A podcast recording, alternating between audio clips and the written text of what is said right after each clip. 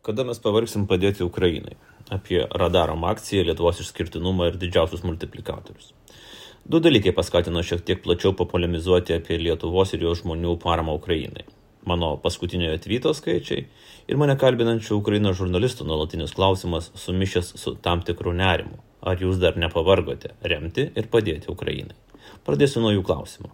Į jį paprastai atsakau, kad mes labiau pavargstam nuo klausimo, ar mes nesame pavargę padėti Ukrainai ir kai mes demonstruojame naujus paramos rinkimo rekordus, tai apie ką mes kalbame. Tokiam paprastesniam lygmenyje taip ir atrodo. Visuotinis radarom susitelkimas, milijonas per valandą, kardu nuo tesoneto, surinkta daugiau pinigų nei bairaktarui, tai yra labai geras lakmuso papirėlis, darinas pasitikrinimas, savo sąžinės pakratimas. Ei, ar tu dar neapmusijai? Ei, ar kūro kainos, kurios beje jau kainuoja pigiau nei pusantro euro, bet didieji protestuotojai prie degalinių kažkaip nekreipia į tai dėmesio ar augančios būsto paskolų palūkanos neprivertė užsidaryti tavęs į savo asmeninių problemų kokoną. Matom, kad neprivertė. Bet aišku, klausdami apie nuovargį, ukrainiečiai turi omeny mus ne tik kaip Lietuvą, kaip nedidelę draugišką naciją, bet kaip tvirtą kolektyvinių vakarų dalį. Ir tada mes galime pradėti graužtis ir skaičiuoti, kad jeigu tokių šalių kaip Vokietija ar Prancūzija piliečiai per kapitą surinktų tiek, kiek mes, kalba suktųsi apie šimtus milijonų, apie milijardus. Bet nėra prasmės graužtis, nes vakarų pasaulio piliečiai nuo pat karo pradžios kalbėjo labiau mintimis ir maldomis nei piniginė. Aš nekalbu apie pabėgėlių prieimimą, kur Lenkija yra neprilykstama ar protesto maršus Berlyne, bet apie labai konkrečią finansinę paramą Ukrainos karo mašinai be didelės Čekijos piliečių akcijos karo pradžioje, kai buvo surinkta apie 20 milijonų eurų ir po to surinkto 1,3 milijono tankui per Putino gimtadienį, bei mūsų kartojusios Lenkų akcijos Bairaktarui, tokių didžiulių fundraiserių mes negirdėjome. O vakarų Europoje apskritai tyla. Priežasčių tam yra daug ir turbūt jas visas atsiriamė į tai, ką turi Lietuva. Mūsų šalies mažumas šį kartą žaidžia mūsų naudai. Pas mus visi vieni kitus pažįsta.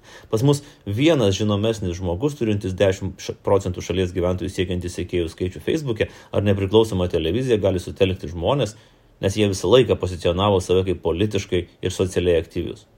Kitose valstybėse žymiausi žmonės dažnai yra šou biznio celebričiai, aktoriai ir sportininkai, kuriems A ta Ukraina buvus nebuvus, na, reikia paskelbti, kad ją remi dėl sąžinės ramybės ir gal net sudalyvauti vienoje kitoje akcijoje, bet jau rimto fundraisingo ir su tuo susijusių problemų jie tikrai nesims. B.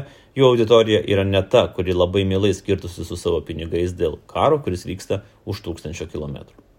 Žiūrėkit, e, Junktinių valstybių žymybės, tokios kaip Arnoldas Schwarzeneggeris ar Stevenas Kingas, tikrai neretai išreiškia paramą Ukrainai, tačiau jų žodžiai dideliais veiksmais nevir, nevirsta.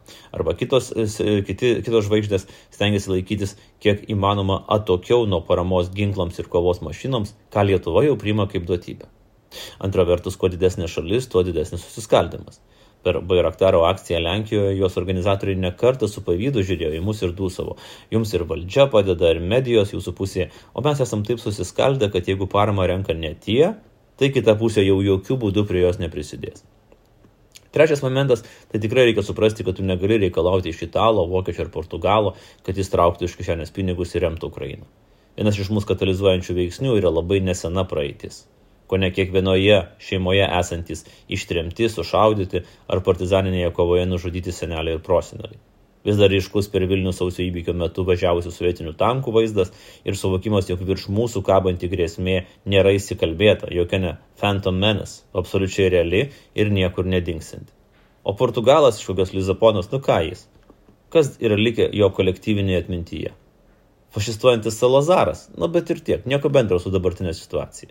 Jis nebuvo visai neseniai okupuotas, jo seneliai nebuvo tremiami, už 50 km nuo jo valstybės sienos yra Ispanija, kur pagrindiniai konfliktai su Portugalija šiomis dienomis vyksta futbolo aikštėse. O pas mus už 50 km baigėsi civilizacija. Prasideda nakties karaliaus ir jo vasalų zona. Suvesiu neišvengiamą paralelę su Game of Thrones kai nakties sargyba į septynių karalysčių sostinę Kings Landing atgabena nemirėlio ranką, kaip neginčiamą įrodymą, jog už sienos tvenkėsi blogio pajėgos, bet sostinėje iš jų tik išsijuokė. O ką, su Europa buvo kitaip. Kiek tokių nemirėlių rankų į Briuselį vežė Baltijos šalių diplomatai? Vežė ir vežė, o jos kaip ir knygoje būdavo išmetamos į šiukšlių dėžę. Jeigu prilygintume ES daugia bučių, tai nei bendrijos pirmininkas, nei dauguma būtų nebuvo linkę klausyti tų kelių skandalistų, kurių langai yra į rytus, kurie įsivaizduoja, kad vakarais ten mato vilką ir reikalauja, jog visi būtai už savo pinigus įsistatytų grotas. Dabar ir bendrijos valdyba pripažįsta, kad skandalistai buvo teisūs. Skandalistai skandalistais, bet kodėl, pavyzdžiui, tokių akcijų nėra kaimininėse Latvijoje ar Estijoje? Juk buvome įpratę, kad jei ką, tai Estai tai jau tikrai visur bus pirmi. Bet ir Estijos diplomatai su baltu pavydu kramto lūpas ir dūsoja, kodėl pas mus taip nėra. Ir Latvijos iniciatyvos stringa. Pavyzdžiui, pradėjo rinkti lėšas Bairaktarui, Latvija įstrigo ties 904 tūkstančiais eurų. Po mėnesio projektą uždarė ir toliau dviem minutėm parašė, kad už 750 tūkstančių eurų nupirko 15 latviškų dronų, už 60 tūkstančių eurų 6 automobilius. Na, labai didelių skaidrumų nekvepia, bet gal kur nors ir be fundraisingo projekto puslapio yra rimtesnės ataskaitos, tai negaliu nieko sakyti. Lygiai taip pat su problemomis susidūrėme vasarą, mėgindami atrasti partnerių Latvijoje ir Estijoje dideliam bendram labdaros projektui Ukrainai. Entuzijazmo nelabai buvo, o medijos ar konkretų žmonės, kurie turėjo entuzijazmo, neturėjo nei įrankių, nei skaičių, kad jie galėtų būti naudingi. Nebejoju, kad dalymos ir paramos kitam genas yra visų trijų Baltijos šalių DNR bet norint jį paversti aktyviu ir multiplikuoti iki sunkiai suvokiamų skaičių, dar reikia ir įrankių. Beveik visose konferencijose apie socialinius tinklus ir žiniasklaidą kolegos iš Latvijos ir Estijos dūsauja girdėdami apie Laisvės TV, jos finansavimo modelį ir vykdomas pilietinės iniciatyvas. Pas mus influenceriai tik šoka ir dainuoja, sako jie ir iš dalies yra teisūs. Tuo pačiu Lietuvoje labai sėkmingai veikia ir sinergijos mechanizmas. Žiūrėkit, yra darom, susijungia keturios NVO ir nacionalinis transliuotojas. Aš nuo pat pradžių buvau didžiausias optimistas iš visų, kad tai suveiks. Ir vis dar laikausi savo pirminio skaičiaus, jog surinksim daugiau kaip 11 milijonų ir nupirksim 11 radarų. Abejojantis sakytų, kad radarom organizatorių auditorija yra beveik totaliai persiklojanti. Sėkmingos ir atjaučiančios Lietuvos burbulas. Negaliu tikrai su tuo sutikti. Kodėl? Pirmas. Bairaktaro pirkime sudalyvavo apie 300 tūkstančių žmonių. Radarom bus dar daugiau žmonių, kadangi atsirado puikiai galimybė greitiems mikropavedimams skambinant trumpuoju telefonu. Tai čia gali būti ir pusė milijono žmonių. Pusė milijono žmonių valstybėje, kurie apskritai turi 2,8 milijonų, na gerai, grįžkim prie 3 milijonų, nes akcijoje dalyvauja tikrai daug užsienyje gyvenančių lietuvių, niekaip negali būti apibrėžtas kaip burbulas. Masiškiausiame valstybės politinėme renginyje prezidento rinkimuose už Gitaną Nausėdą balsavo 880 tūkstančių žmonių. Antra, auditorijos panašios, bet tikrai nepersiklojančios. Jonas Omanas galbūt neturi tokio įdirbio socialiniuose tinkluose, gal nėra labai aktyvus komunikatorius, bet devyni, devyneri metai įdirbio padedant Ukrainai nuneša visas iniciatyvas kitas ir pastato Joną į centrinę vietą. Aš turiu tiek asmeninius, tiek laisvės TV skaičius sos medijos ir YouTube. Olego auditorija jau šiek tiek kitokia, jo, jo komunikacijos būdas kitoks ir vėlgi pritraukia kitokius žmonės. Edmundas turi atidirbę santykius su verslais ir visuomeninėmis organizacijomis, o LRT non-stop varydama informaciją apie radarom pasiekia tuos žmonės, kurie nesinaudoja nei socialiniais tinklais, nei YouTube. Žinoma, nesureikšmikime keturių žmonių ir vienos televizijos nuopelnų. Jie atliko darbą tapę kibirkštim, bet vis tiek pagrindinis rautas susidaro pajudėjus visuomeniai, dalinantis žinias savo sociume, su bendradarbiais, draugais, tėvais, seneliais, bendraminčiais džime ar ten pašto ženklų kolekcionavimo klube. Kai mes turime tokius dalyvaujančių lietuvių skaičius, išsitrina ir nemaža dalis vidinės priešpriešos ir ideologijų. Aš žinau, kad bairaktarui skiria pinigus ir tie, kurie visiškai nepritarė nei mano, nei laisvės tave vertybėms. Aš nebejoju, kad prie radarų pirkimo prisideda ir nemaža dalis tų, kurie dalyvavo šeimų maršė ar kuriame nors šeimų sąjūdžio mitingė. Ir čia atsiranda didelė problema maršiečių lyderiams. Bairaktaro pirkimo metu mėgintas naudoti argumentas Tapinas pavogė pinigus ir pralošė Las Vegase, na, čia jau nebeveikia. Pirma, dėl to, kad jiems buvo duota suprasti, kad už savo žodžius reikės atsakyti. Kažkaip pakibus virš galvos didžiuliams ieškiniams šitas naratyvas ir apskritai mano asmenybė beveik išnyko iš Orlausko ir Janutinės laidų. Kitas dalykas - įtikinti paskutinius likusius sėkėjus, kad visi keturi didžiausi paramos fondai ir nacionalinis transliuotojas yra korumpuoti aferistai ir vagis, jau yra virš jų galimybių ribos. Todėl belieka tokios paprastutės patyčios labiau vien tam, kad nesėdėt netylėt. O radarai atlieka dar ir neblogą politikų rentgeno pjūvį. Labai aiškiai matom, kas iš tikrųjų nėra už Ukrainą, kas jos nepalaiko. Žinoma, apsisprendimas remti ar neremti Ukrainą yra kiekvienas meninis reikalas, bet jeigu tu, pirma, esi Lietuvos valstybėje lojalus politikas, kuris palaiko valstybės kursą remti Ukrainą, antra, tu matai nacionalinę paramos akciją, į kurią įsitraukia tūkstančiai žmonių ir organizacijų, nuo vaikų darželių iki senelių namų, nuo didžiųjų verslų iki smulkių amatininkų Trečia, tu supranti, kad tavo politiniai karjerai tikrai yra geriau rinkimų ciklo metu prisijungti prie akcijos ir būti kartu su žmonėmis, tai tu tikrai prisidėsi prie radarom. Arba patekęs po gan griežto rengeno spinduliu parodysi savo tikrasias vertybės. Paimkim paprastą pavyzdį - Vilniaus ir Kauno mero rinkimai. Regis, juose dalyvaujantiems politikams yra tiesiog būtina vienaip ar kitaip prisidėti prie radarų. Pavardžių neminėsiu, kad nesakytumėte, jog kartu su akcija darau kažkam politinę reklamą ar antireklamą, bet nustepsit. Vilniuje radarom aktyviai palaiko ar bent jie pasidalina tik du kandidatai į merus. Kaune - keturi. Sakysit, kad viena, kad ir kokia didelė akcija čia dar nerodiklis, kad politikai irgi privalėtų joje dalyvauti. Bet dabar norėčiau grįžti prie savo tweeto. Štai jis. Parašiau angliškai Twitter'e Absolute Record, Worldwide.